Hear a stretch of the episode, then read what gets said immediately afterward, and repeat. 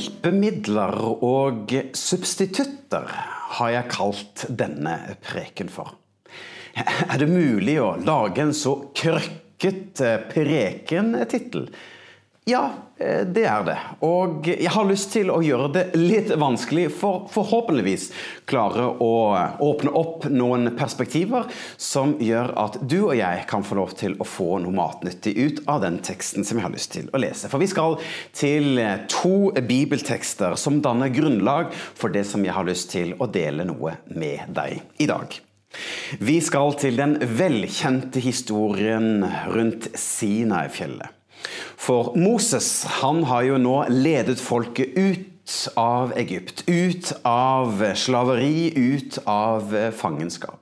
Og ved Guds hjelp så har Moses klart å åpne Rødehavet, slik at israelsfolket kan få lov til å vandre gjennom Rødehavet. På vei mot det lovede land, mot Kanan. Og på vei dit så leser vi i Bibelen om at Moses blir invitert opp til Sinai-fjellet for å møte Gud. Og det er der vi skal stoppe i dag.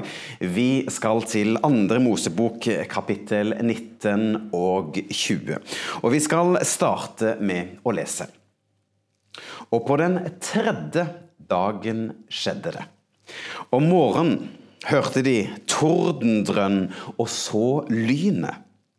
Så kom det en tykk sky over fjellet. Lyden av blåsende horn var så sterk at hele folket i leiren skalv. Moses ledet folket ut av leiren for å møte Gud, og de stilte seg opp ved foten av fjellet. Sinai-fjellet var fullstendig dekket av røyk, for Gud kom ned på fjellet i flammende ild. Røyken fra fjellet steg opp som skyen fra en ovn, og hele fjellet ristet kraftig. Da hørte de en kraftig lyd fra hornet, som bare ble sterkere og sterkere. Så snakket Moses til Gud, og Gud svarte ham med kraftig røst. Da kom Herren ned på toppen av Sinai-fjellet. Gud ba Moses komme opp til toppen av fjellet, og Moses gikk opp. Videre i kapittel 20 så kan vi lese om at Gud talte og ga dem disse ord. Jeg er Herren din Gud, som førte deg ut fra Egypt, ut av slaveri. Og Deretter så kan vi lese om at Gud gir Moses de ti bud. Du skal ikke ha andre guder enn meg, og du skal ikke skjære ut bilder eller på annen måte lage etterligninger av noe som er i himmelen, på jorden eller i vannet, for så å falle ned og tilbe eller å tjene disse bildene. For bare jeg er Gud, din Herre. Jeg tolererer det ikke. Og så fortsetter da Gud med å overlevere de ti bud til Moses. Men hva er det som skjer med israelsfolket mens Moses er på Sinafjellet sammen med Gud? Jo, vi skal lese i andre Mosebok kapittel 32 og bli med her. Folket synes det ble lenge å vente på at Moses skulle komme ned fra fjellet. Derfor flokket de seg rundt Aron og sa til ham, Kom igjen, kan du ikke lage guder til oss som kan gå foran oss? For denne Moses førte oss ut av Egypt, er jo borte, og vi vet ikke hva som har hendt ham. Aron, altså bror til Moses, sa til dem. Dere får samle sammen det gullet som er her. Ta øreringene fra konene og sønnene og døtrene deres, og kom til meg med dem. De samlet dette sammen, og Aron tok imot gullet fra dem. Han støpte en kalv av gullet og formet det med en meisel. Da folket fikk se den, sa de. Dette er Israels Gud som førte oss ut av Egypt. Da Aron så dette, bygde han et alter foran dem. Han eh, lot det ropes ut. I morgen er det høytid for Herren. De sto tidlig opp neste dag for å ofre til kalven. De brant et offerdyr og kom fram med fredsoffer. Folket satte seg ned for å spise og drikke, og så sto de opp for å leke. Da sa Gud til Moses, du må gå ned fra fjellet. Folket som du førte ut av Egypt, har gjort noe forferdelig. Det varte ikke lenge før de ble ulydige og valgte å gå sine egne veier istedenfor den veien jeg befalte dem å gå. Nå har de støpt seg en kalv som de tilber. De har ofret til den og sagt, dette er Israels Gud, som førte oss ut av Egypt. Ja, hva er det som skjer? Jo, mens katten er borte, så danser musene på bordet. Eller Moses er på fjellet, og derfor så velger resten av israelsfolket å bygge seg en gullkalv som de tilber. Ja, De blir utålmodige, og så velger de å gå sine egne veier. Ja, jeg kalte denne preken for 'hjelpemidler og substitutter'. Jeg vet ikke om du helt er med meg på hvor jeg vil, men bli med på dette her. Fordi at hjelpemidler, de hjelper oss. Ja, de er til hjelp for å holde oss oppe eller å støtte oss, men substitutter derimot, ja, det er erstatninger, eller det som bytter ut det opprinnelige. Og det første og det andre bud av de ti bud handler jo nettopp om dette, at du skal ikke bytte bort for Bibelen sier at du skal ikke ha andre guder enn meg, og du skal ikke lage deg gudebilder. Gud, vår Herre og vår Far og vår Frelser og vår Venn, det er Han som fortjener vår oppmerksomhet, vår takk, våre pris. Det første som Israels folk gjorde da Moses vandret opp på fjellet for å være sammen med Gud, var nettopp å bytte bort. Å velge bort og lage seg et substitutt med en annen gud. Å lage gudebilder å tilbe. Ja, de erstattet Gud. Så hva kan vi som lever i en tid som denne, lære ifra denne teksten? Jo, vi som lever i dag, er på samme måte viktig at vi er opptatt av hva som er hjelpemidler, og hva som er substitutter i forhold til dette med kristen eh, tro. For i vårt trosliv så, så, finnes det ting som er hjelpemidler, som støtter opp og som hjelper oss i den kristne tro.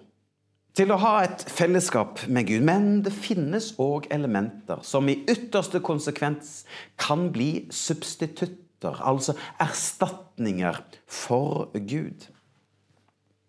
Ja, vi som kirke, ja, vi kan ikke erstatte Gud. Eller jeg som pastor kan heller ikke erstatte Gud for deg. For det er kun din personlige relasjon med Gud som gjelder.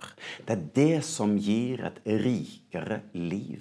Det er det som gir mat til vårt indre.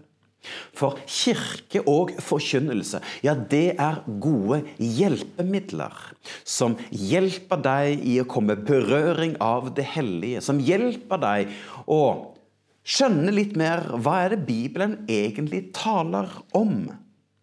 Men det kan aldri være det som vi bygger vår tro på. Altså, vi kan si at det finnes gode kirker. Vi kan si at det finnes dårlige kirker. Vi kan si at det finnes god forkynnelse. Vi kan si at det finnes dårlig forkynnelse. Men vi bygger jo ikke troen ut fra det. For troen bygger ut ifra en relasjon med Jesus selv. Men gode, bibelbaserte kirker, ja, de er med og støtter oss og hjelper oss til å holde denne relasjonen med Gud varm. Men jeg har òg lyst til å si at det finnes noen handlinger eller gjerninger som, og, som, som er et hjelpemiddel, men som i ytterste konsekvens kan bli et substitutt eller en erstatning. Tjeneste. Ja, mange av oss vi gjør tjeneste i kirken og i Guds rike. Ja, Vi ønsker å være en utstrakt hånd. Vi ønsker å tilby et fellesskap. Vi ønsker å være der for andre mennesker og bety en forskjell. Men dette må ikke bli et substitutt eller en erstatning for gudsforholdet. For da kan vi være på ville veier. Å lese oppbyggelig litteratur er veldig fint. Det er flott. Men hvis det kun blir det, og ikke ikke bibellesning, så kan det òg bli fattig.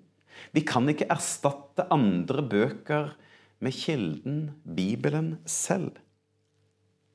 Og fromme handlinger gjør heller ikke at vi kan erstatte det med direkte kontakt med Gud selv. For Bibelen sier i Jakobs brev Hold dere nær til Gud, så skal Gud holde seg nært til dere.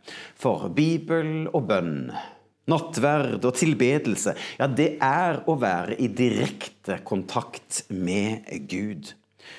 For å oppleve Gud så må du være i kontakt. Du må være i bevegelse med ham, ikke bare det som er hans.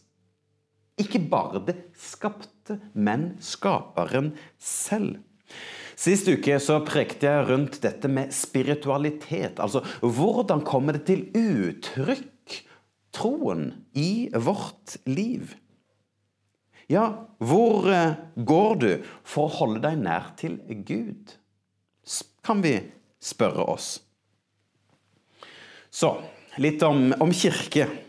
Fordi at litt på samme måte så kan man snakke om kirkens arbeid. Fordi at vårt hovedoppdrag er å lede mennesker til tro på Jesus og etterfølgelse av ham. Og I vår kirke, i Filadelfia-kirken Drammen, så har vi en visjon som er at vi skal være en utstrakt hånd, tilby et fellesskap, lede mennesker til tro på og etterfølgelse av Jesus. Det er vårt oppdrag. Det er vår hensikt. Men vi må være bevisst hva som kan bli et substitutt, eller en erstatning for oppdraget. For dersom Kirken kun blir politisk, eh, kan vi være på ville veier.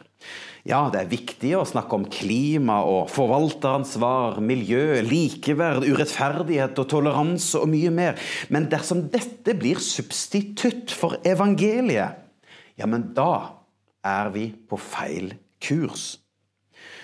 Så sier ikke jeg at vi skal slutte med all slags eh, gjerninger eller aktiviteter som ikke er direkte evangeliserende eller direkte forkynnelse. Nei, det sier jeg ikke. For det finnes mange virkegreiner i kirker som er med og er en utstrakt hånd. Og via det kan få lov til å lede mennesker i bevegelse mot Jesus. Men vi må være bevisst på hva som er hva. Vi trenger altså å gå direkte til kilden selv. Vi trenger å gå til Jesus og bygge en nær relasjon med ham. Og På Jesu tid så hadde du fariseere. Ja, de var opptatt med å tolke den jødiske læringen. Utfordringen var at de hadde en streng og nærmest en ekstrem overholdelse av lovene. Og de religiøse handlingene var ikke nødvendigvis feil, men det var av feil motiv. De var mer opptatt av det ytre enn det indre. Ja, de kunne skriftene til punkt og prikke, men intensjonen rundt skriftene, ja, den hadde de ikke fått med seg. For intensjonen om å ha en relasjon med Gud ble byttet bort med en form av å leve på. Så de byttet bort, byttet ut, og handlingene ble at et substitutt for relasjonen med Gud. Og Jesus, her gjør han et alvorlig oppgjør med fariseerne. La oss gå til Matteus 23, og der står det at Jesus sier Skam dere, dere hyklere, for dere er opptatt av å skinne på utsiden, mens dere innvendig er som skitne kopper og fat.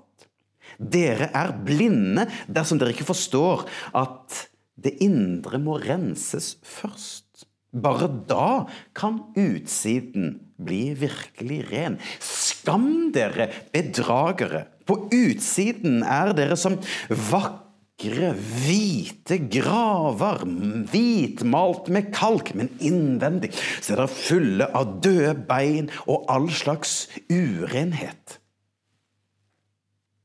Så kan vi som lever i dag, tenke ja, elendige fariseere.